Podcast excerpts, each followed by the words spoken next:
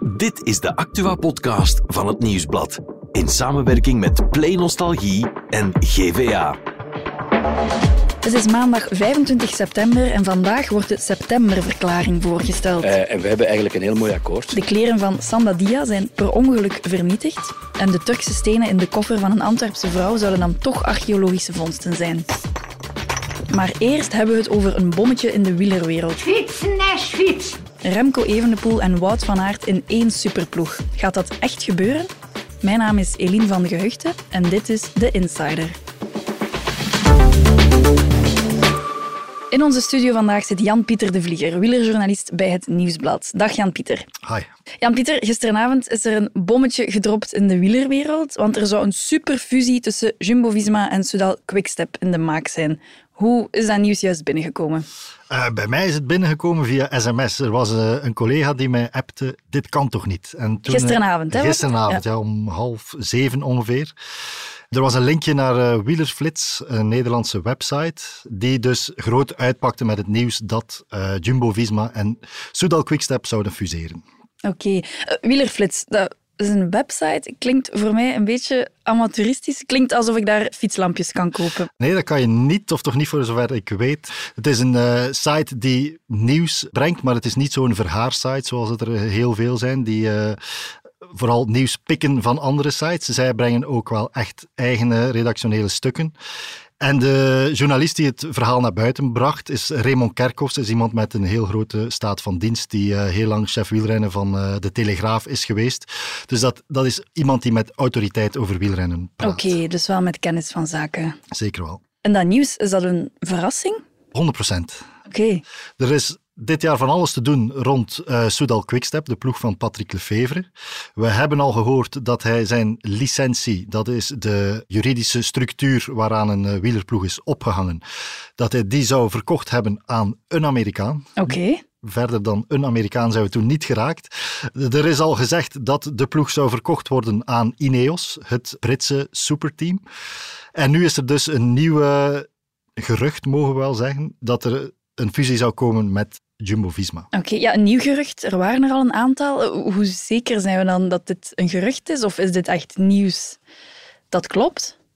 Ik heb er natuurlijk gisteravond veel op gebeld. Er is bevestigd ook aan onze redactie dat het zeker een scenario is dat op tafel ligt. Oké. Vraag is hoe concreet het op dit moment is, dat is iets moeilijker te achterhalen. Maar het, het is zeker dat er over gesproken wordt met de belangrijke mensen, zijn de Richard Plugge, de manager van Jumbo-Visma, Patrick Lefevre, de manager van Soudal Quickstep, uh, met de, de sponsors, met Zdenek Bakala, dat is de Tsjechische heldschieter achter Soudal Quickstep, de man die voor 70% de aandelen in handen heeft. Dus al die belanghebbenden hebben samen aan tafel gezeten in Genève en gesproken over uh, of zich afgevraagd, is het een goed idee mochten wij samen gaan? En blijkbaar is daar vrij snel beslist, ja, dat is een goed idee. Ja, helder. Ja, waar ook is, is wel degelijk vuur dan in dit geval. Zeker wel. Ja, Jumbo-Visma is de ploeg van Wout van Aert, zodat Quickstep is de ploeg van Remco Evenepoel. Gaan die twee toprenners dan in één ploeg terechtkomen? Dat zou kunnen. Dat is een van de vele uh, struikelblokken bij de fusie. Want Jumbo-Visma heeft voor 2024. Dat is uh, het jaar waarin de fusie al zou moeten gebeuren. Daarvoor hebben zij op dit moment 27 renners. Soudal Quickstep heeft er op dit moment volgens mij 25. Die zouden ook naar 27 willen gaan. Dat zijn er heel wat, ja. Dat zijn er heel veel. Een wielerploeg bestaat normaal gezien uit een dertigtal renners.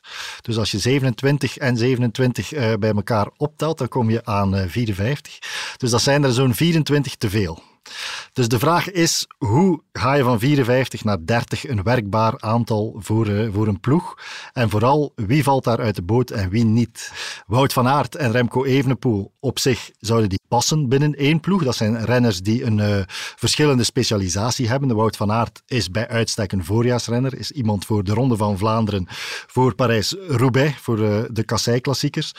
Remco Evenepoel die is ook goed in eendagswerk. Die kan Luik, Bastenaken, Luik uh, rijden. Maar die excelleert vooral in uh, het rondewerk. Mm -hmm. Maar het probleem is vooral dat Jumbo-Visma al heel erg veel renners hebben die supergoed zijn in grote rondes. In de voorbije Vuelta zijn ze eerste, tweede en derde geëindigd met Sepp Koes, Jonas Vingegaard en Primoz Roglic. Ja, dat is Dus heel op- opvallend ook, dat podium. Hè? Dat staat dan... Ja, dat was op zich al heel opvallend. En om daar dan nog Remco Evenepoel te gaan bijvoegen, dat lijkt van het goede te veel. En dat is geen realistisch scenario. Ja, en dan heb je ook al die, die toprenners, die topmannen samen. Voor het concurrentiegevoel betekent dat ook wel wat, denk ik, onderling.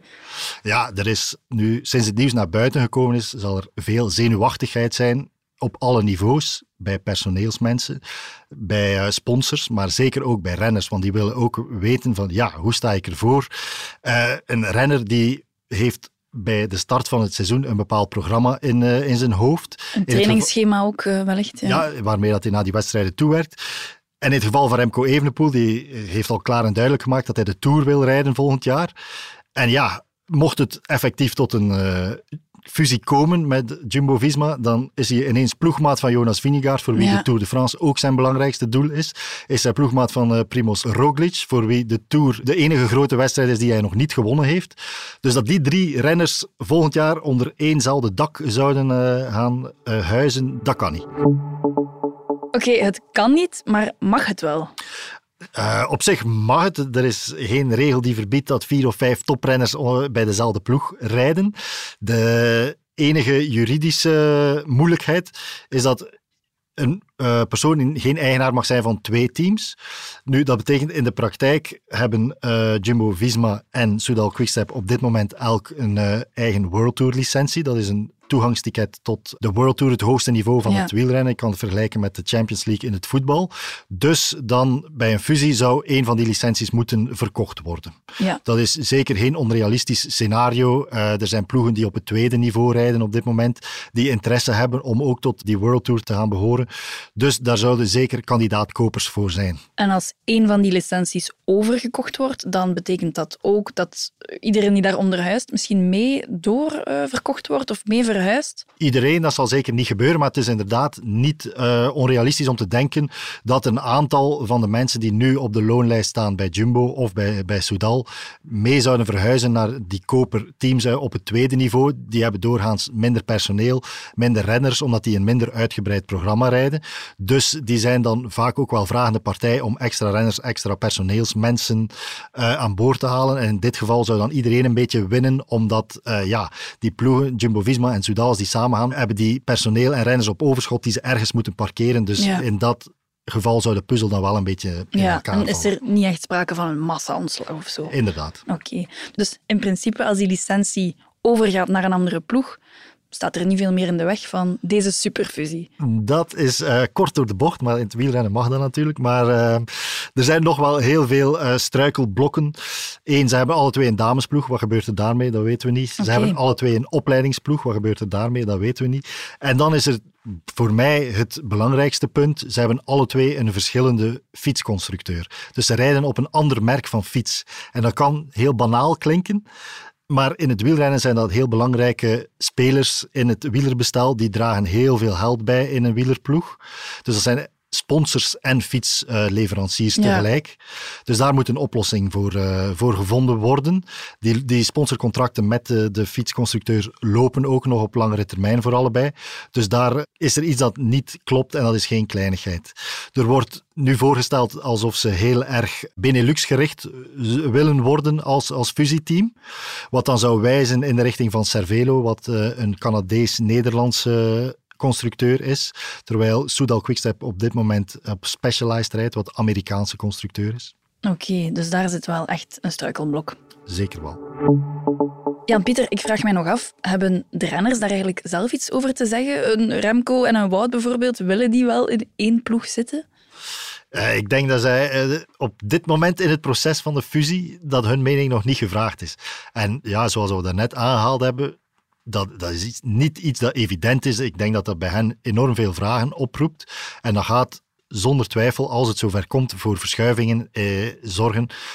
Ik zie Wout van Aert nu niet direct vertrekken eh, bij Jumbo-Visma, maar of dat Remco Evenepoel kan geenthousiasmeerd worden voor zo'n project, is maar zeer de vraag. Ik vond het opvallend. Tijdens de Vuelta zag je plots interviews met Richard Plugge die zei ja, Remco Evenepoel is iemand met wie ik graag zou werken. Dus dat was de manager van Jumbo-Visma, die toen al sprak over een samenwerking met Ja. eh, de toprenner van eh Soudal Quickstep. Als je daar nu naar kijkt, plaats je dat in een heel andere context natuurlijk. En dat zal wellicht geen Ja. toeval geweest zijn. Profetische woorden. Ja, en ook al een beetje masseren eh, of een bepaalde, bepaalde dingen in hang zetten. Maar het is zeker dat, dat er nog heel veel gesprekken gaan volgen met de renners en dat zij zullen moeten warm gemaakt worden voor, eh, voor een fusieproject. Ja. En ja, hoe zit het eigenlijk met Patrick Lefevre, de manager van Soudal Quickstep? Waarom wil hij dat eigenlijk? Waarom wil hij zijn eigen ploeg niet gewoon behouden? Ja, dat is een zeer goede vraag, want eh, op zich, Patrick Lefevre is al jaren op zoek naar sponsoring voor zijn team. Dat is de rode draad door zijn carrière. Hij moet proberen het budget rond te krijgen. En dat is elk jaar, zeker de laatste tien jaar, een zeer moeilijke oefening geweest om voldoende centen bij elkaar te vinden. En dat is een slopend eh, proces, een zeer stresserend proces, want hij is uiteindelijk verantwoordelijk voor die 60, 80 mensen die bij hem op de loonlijst staan. En heeft al vaak aangegeven dat hij daar wel een beetje klaar mee is. Hij is eh, 68, 69 jaar eh, op dit moment. Eigenlijk klaar voor zijn pensioen ook. Ik denk het wel. Dat is iets dat ongetwijfeld in zijn, eh, zijn achterhoofd speelt. Hij is aan het denken aan een exit uit het wielrennen. En tegendeel zou, zou niet verstandig zijn in zijn plaats. Dus misschien kan hij hier ook een appeltje voor de dorst eh, op een of andere manier verzekeren. Als die licentie, een van die twee licenties verkocht worden, Ja, zoals de kaarten nu lijken te liggen, is die van Soudal Quickstep de meest eh, waarschijnlijke om in de verkoop te staan. Ja, Patrick Lefevre is voor 30% aandeelhouder. Dus misschien dan is dat een mooie, fijne carrière. dat zou heel goed kunnen, maar natuurlijk, hij heeft ook verantwoordelijkheid voor al die mensen die hij zo lang te werk gesteld heeft. Dus hij kan ook niet rugzichtloos eh, verkopen en iedereen in de kou zetten. Dat gaat ook niet. Oké. En ja, Jan-Pieter, jij als insider in de wielerwereld, wat vind je daar nu zelf van? Hoe is dit voor de sport aan zich? Ik vind het eerlijk gezegd een beetje jammer. Enerzijds sportief, te veel goede renners samen in één ploeg, dat is niet leuk. Dat hebben we gezien in de Vuelta, dat is te veel van het goede. Eh, een heel podium van dezelfde ploeg. Dus dat zou nog versterkt worden als het tot een fusie komt. En ik vind vooral eh, vanuit economisch standpunt voor het wielrennen een heel slecht signaal. Je hebt een ploeg die super succesvol is, die de voorbije twee jaar alles gewonnen heeft. En die verliezen hun sponsor na 2024. Dan stapt Jumbo uit, uit de sponsoring. En die vinden dan blijkbaar geen betere optie dan samen te gaan met Soudal Quickstep, die ook super succesvol is. Misschien de meest succesvol, succesvolle ploeg over de laatste tien jaar. Die sponsorcontracten hebben tot eind 27, wat ongezien lang is eigenlijk. En toch zijn die blijkbaar ergens noodgedwongen om samen te gaan. Ja, Dus dat, dat vind ik een je bent niet enthousiast. Nee, ik ben daar niet zo enthousiast over. Ook omdat het een antwoord is op het geld uit het Midden-Oosten dat in eh, team UAE zit, dat in Mhm. Bahrein zit. Op eh, Ineos, waar budgetten 40 miljoen plus zijn. Om zich daar tegen te wapenen, is een fusie van die twee ploegen blijkbaar het enige mogelijke antwoord. En dat vind ik wel een beetje jammer. Ja, oké. Jan-Pieter, bedankt voor jouw expertise vandaag. Zeer graag gedaan. Over naar het andere nieuws van vandaag. Daarvoor is producer Joni erbij komen zitten. Dag Joni. Dag Eline. Joni, we moeten het hebben over de septemberverklaring van minister Jan Bon. Ja, vorig jaar, ik weet nog niet of je het u nog herinnert, maar toen waren ze te laat, drie dagen zelfs. En nu waren ze eigenlijk twee dagen te vroeg. Normaal werken ze tot het laatste nippertje aan een akkoord, maar nu was dat er zaterdag al. En Jan Jan Bon zei er het volgende over. We hebben een eh, globaal akkoord kunnen maken over een moeilijk eh, thema en dat is in een goede sfeer verlopen. En ja, daarmee is het regeringswerk niet gedaan, hè, dus eh, wordt vervolgd. Vandaag stelt in het Vlaams parlement minister-president Jan Jan Bon heel het akkoord voor. Het gaat over de kinderopvang en hogere jobbonus. Oké, onze politieke redactie zal dat verder opvolgen. En dan ja, moeten we het helaas ook hebben over Sandadia, want daar is alweer iets misgelopen. Ja, want de ouders van Sanadia die hebben een telefoontje gekregen dat de kleren van Sanadia werden vrijgegeven. Die waren allemaal nog in bezit van het gerecht door de onderzoeken, door het lopend proces.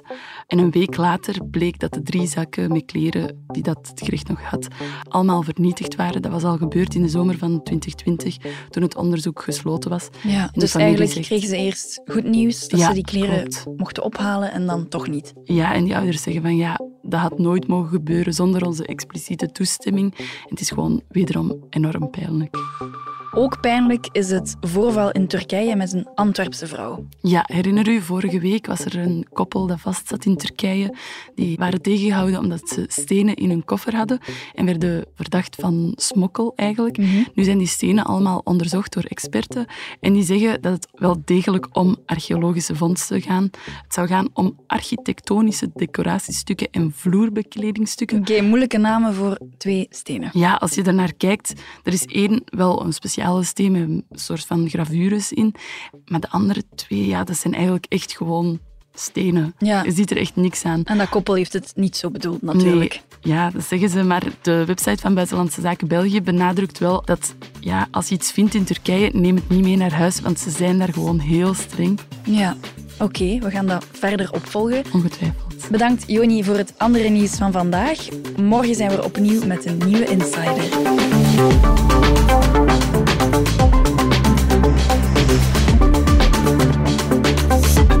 Dit was The Insider, een podcast van het Nieuwsblad in samenwerking met Play Nostalgie en GVA. De muziek is van Pieter Santens. De montage gebeurde door House of Media. Wil je reageren? Mail naar podcast.nieuwsblad.be.